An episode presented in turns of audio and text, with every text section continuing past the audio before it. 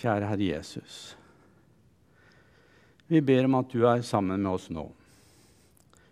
Vi ber om at du, om at du rører våre hjerter, at du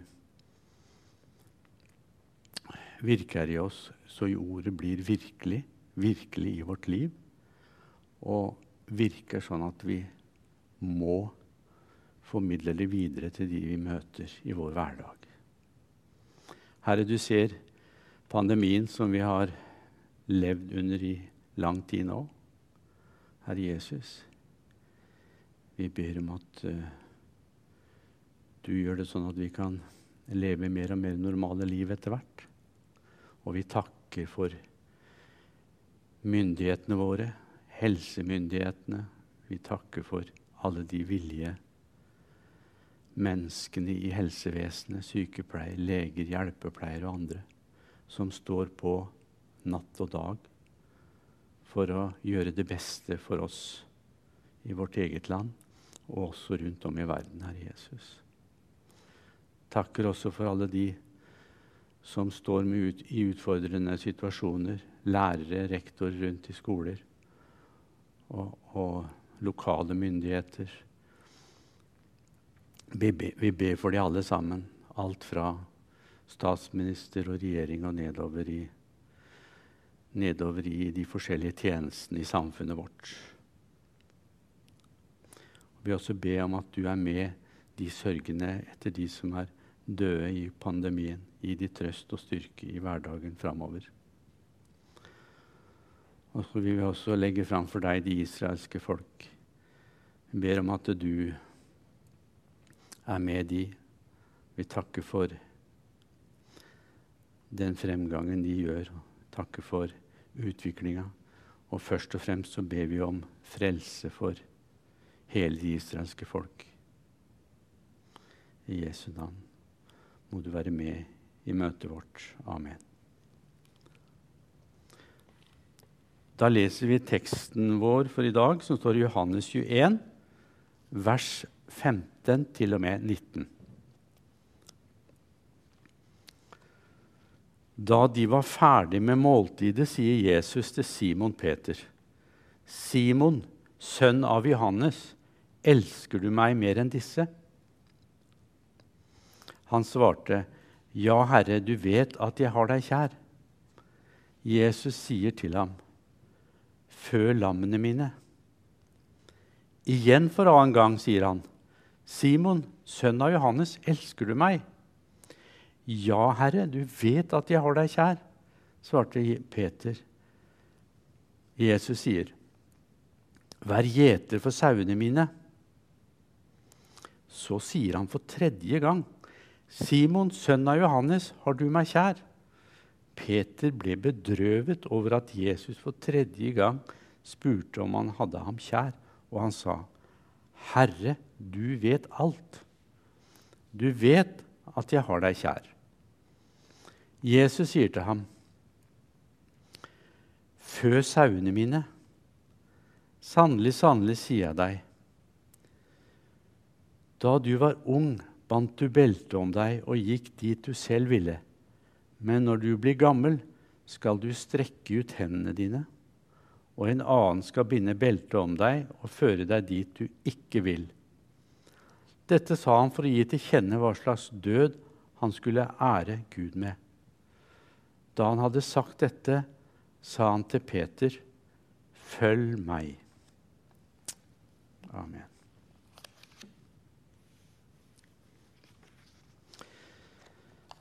Det er en sterk tekst som, som Laila også nevnte i dag. Og, og jeg har lyst til å fokusere på tre hovedområder.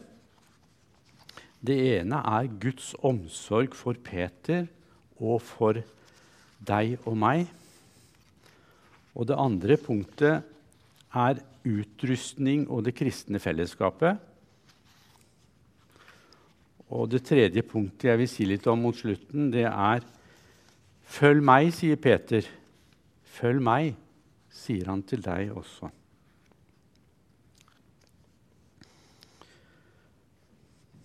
Vi har nå fått lytte til en spesiell frokostsamtale som endret en av apostlenes liv. Jesus og Peter de hadde hatt mye med hverandre å gjøre. Peter var for Jesus en av de disiplene som skulle få spesielle oppgaver i å bre evangeliet ut, videre ut. Han skulle bli rusta til denne oppgaven. Jesus han ville gjenopprette hjertet hans og tjenesten til, til Peter. Det var ingen andre enn Jesus som hadde visdom nok til å utruste Peter i de oppgavene som skulle møte ham.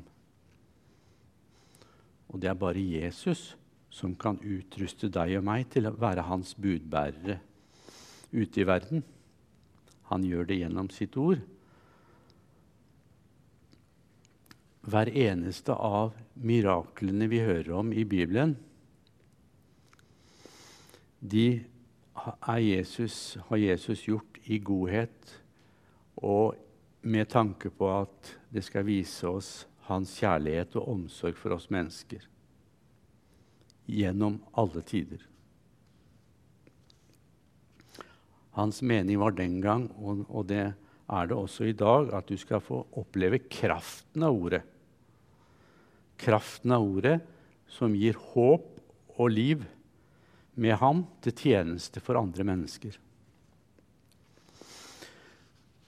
Merk deg spesielt hva Jesus avslutter med etter hvert av de tre spørsmålene han stiller Peter. Fø mine lam, vokt mine får, fø mine får. Så avslutter han teksten med å si til Peter, 'Følg meg'. Jesus han bruker hverdagsbildet som disiplene kjente godt fra sitt dagligliv. Vi ser f.eks. historien om fiskefangsten. Vi ser brødundre, vi ser forskjellige situasjoner der Jesus bringer fram ting fra hverdagslivet som, som gjør at disiplene skal forstå bedre hva Jesus vil. Fø mine lam betyr å lede lammene til de plassene der det er grønt gress.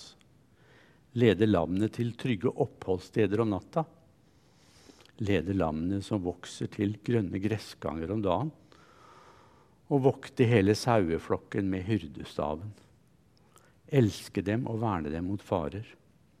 Og se til at de vokser. Gi dem Guds ord i rikelige mengder Gi dem mer salt enn sukker. Måle dem og veie dem, passe på at de utvikler seg sånn som de skal. Og se til at ikke de spiser noe skadelig. Noe som skader deres sinn og tanker. Og bruke tiden til å velge ut de beste beiteplassene for morgendagens utflukter. Se til at de vokser, lammene vokser. Se til at fårene vokser. Og se, se til at de ikke blir tilsmitta av noe som kan dra dem vekk fra hyrdeflokken. Vokte dem dag og natt. På forhånd hadde det vært tøffe tak for Peter.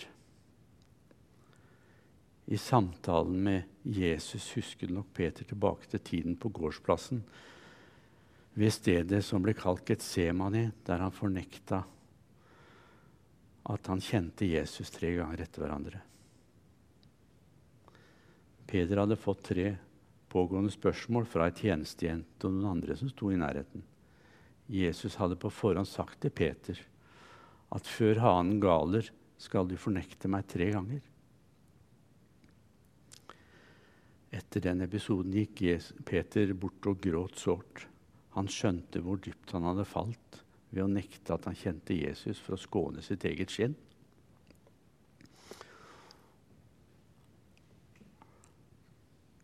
Før det igjen så hadde Peter proklamert at han var villig til å gå i fengsel for Jesus og dø for ham. De andre apostlene vil også ha huska Peters svik, og at de selv flykta og forlot Jesus i nødens stund. Nå brukte Jesus de vonde minnene til å skape et positivt speilbilde av en negativ opplevelse. Foran de andre apostlene spurte Peter tre ganger om han elsket Jesus mer enn de andre.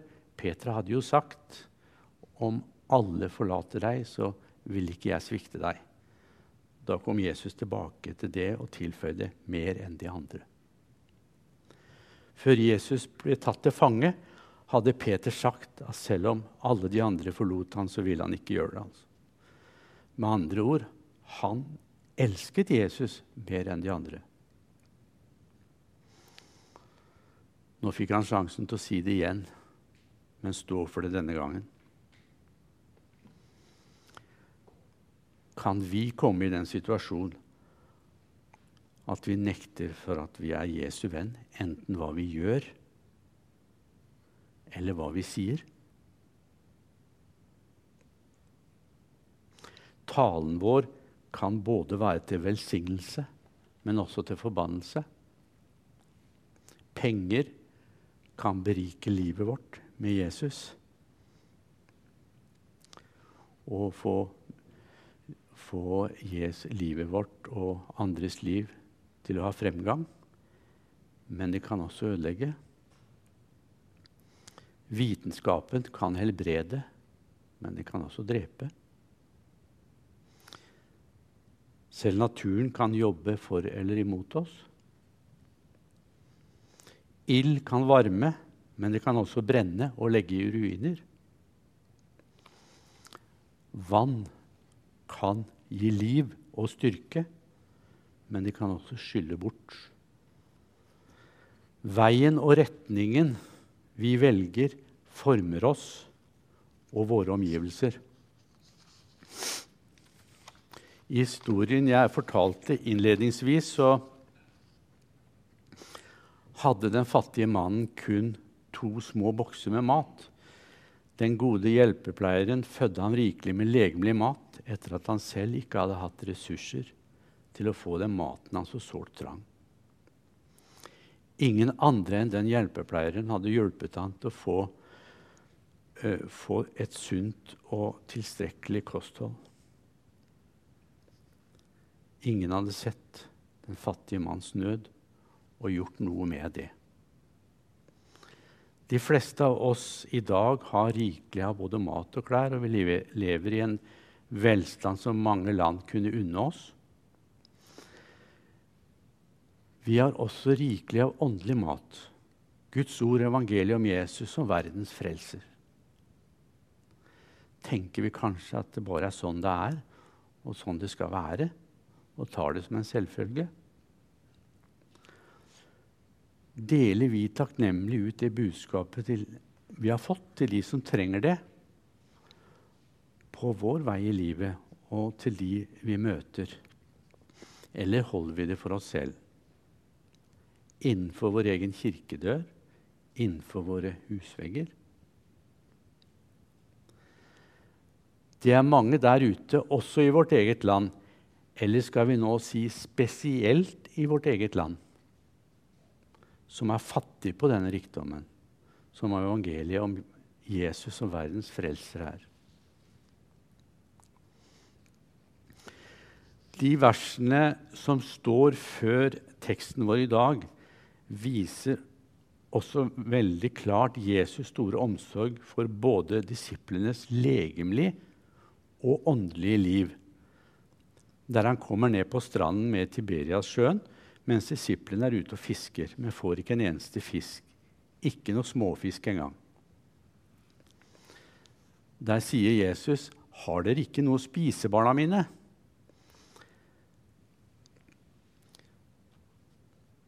Nei, svarte de. De hadde ikke fått noe fisk. Så sier Jesus, 'Kast garnet ut på høyre side av båten, så skal dere få.' Da fikk de jo så mye fisk at de ikke greide å løfte opp garnet, men måtte dra det etter seg inn til land. Så sier Jesus der på stranden når de kom inn med båten, 'Kom og få mat.' Så ble det et måltid der på stranden sammen med Jesus, som bar fram brødet og noen av fiskene de hadde fått. Jesus spurte ikke disiplene hvor flinke de hadde vært til å forberede dagen, planlagt fisketuren eller lagt en super slagplan for resten av dagen. Nei, omsorgen lå på et annet plan. Det var direkte, og det var ikke noe snakk om noe som helst av demses eh, presisjoner eller egenskaper. Han var opptatt av de der og da. Vi kan i likhet med disiplene være bekymra for mange ting. Her i, den, her i, historien om fiskefangsten så var det fisk de var bekymra for. De hadde ikke fått noen ting. Kåre ten har sagt det slik Bekymringer tømmer ikke morgendagen for plager. Den tømmer dagen for styrke.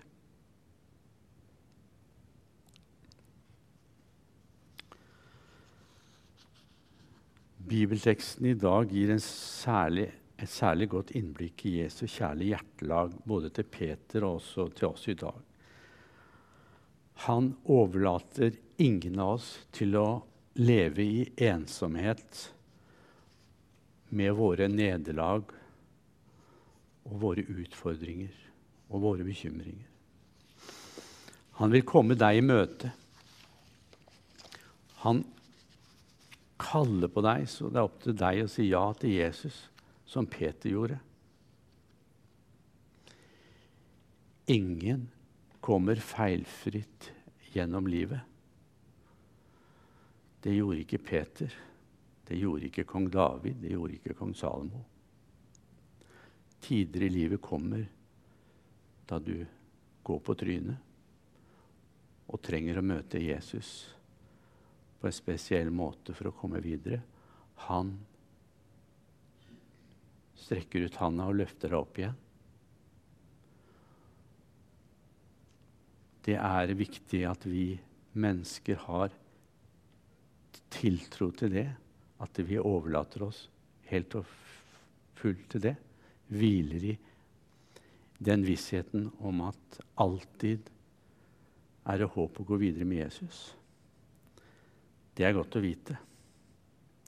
Få gjenopprettelse, som Peter fikk.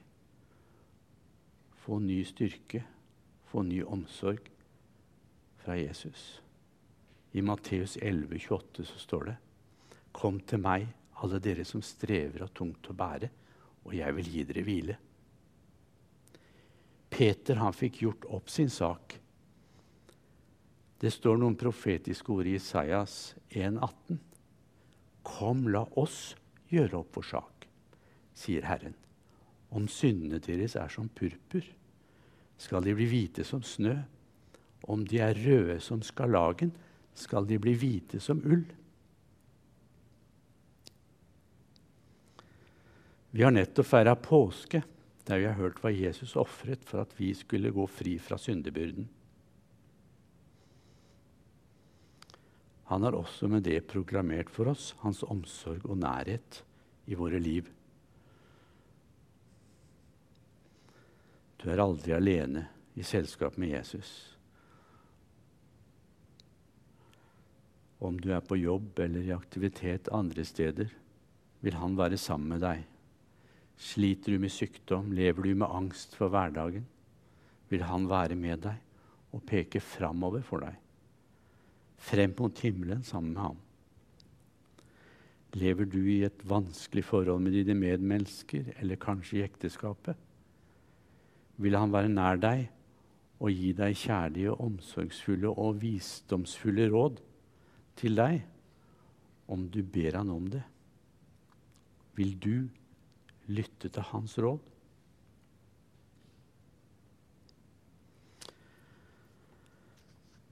Utrustning og det kristne fellesskapet er neste punkt jeg har lyst til å si noe om.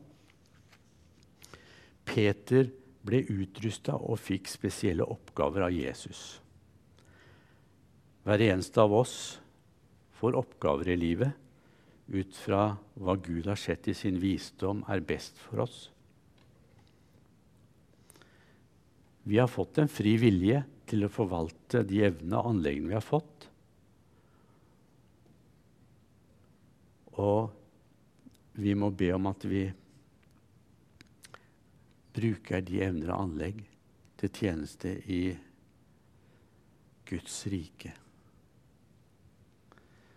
Men vi skal også forvalte evner og anlegg til tjeneste ute i samfunnet vårt. Og vise at vi også der er Jesu disippel. Oppgavene er mange. I menighetsfellesskapet skal vi tjene hverandre. Her er det mange oppgaver som skal til for et rikt og godt menighetsliv skal fungere. Og jeg må si at det varmer å se alle som med hjertet utfører mange oppgaver i vår egen menighet. Vi ser det kanskje ekstra klart nå i forbindelse med kirkeprosjektet. Den store hjelpsomheten som, som er, den store innsatsen som er på alle mulige dugnadsområder. Vi bygger kirke som en del av vårt eget, der vi kan la Guds ord få lyde og fellesskapet bli styrka og velsigna for oss alle sammen. Det er ingen selvfølge. Og det tenker jeg er et resultat av at mange har bedt for prosjektet.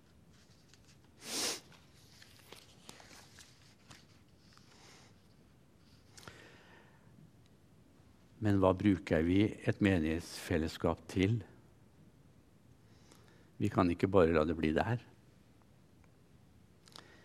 Vi må bruke den utrustninga vi får til å gå ut til de som ikke har hørt og tatt imot budskapet om Jesus som verdens frelser. I nabolaget, på arbeidsplasser, i foreninger og lag vi ellers er med i utenom menigheten. Vi skal ikke bare ha det i vår egen forsamling det vi tar oss til oss av føde for vårt trosliv, skal vi gå ut med. Vi er til for hverandre globalt sett. I apostelgjerningene 2,42 står det de holdt seg trofast til apostlenes lære og fellesskapet, til brødsbrytelsen og bønnene. Jo, hvorfor gjorde de det? Nettopp fordi at de skulle bli utrusta til tjeneste, de også. Utenfor sitt eget fellesskap. Ved å veilede og hjelpe hverandre og gi hverandre sunn og god kunnskap om livet med Jesus. Og Det er så fint det som står i Salme 119, 105. Ditt ord er en lykt for min fot og et lys for min sti.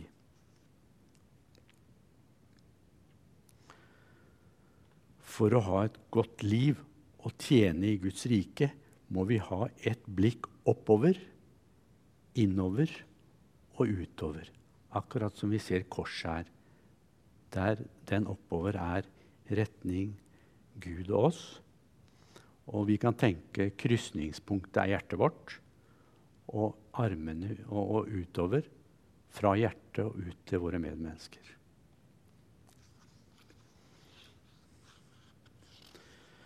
Følg meg, sier Jesus til Peter. Følg meg, sier han til deg òg.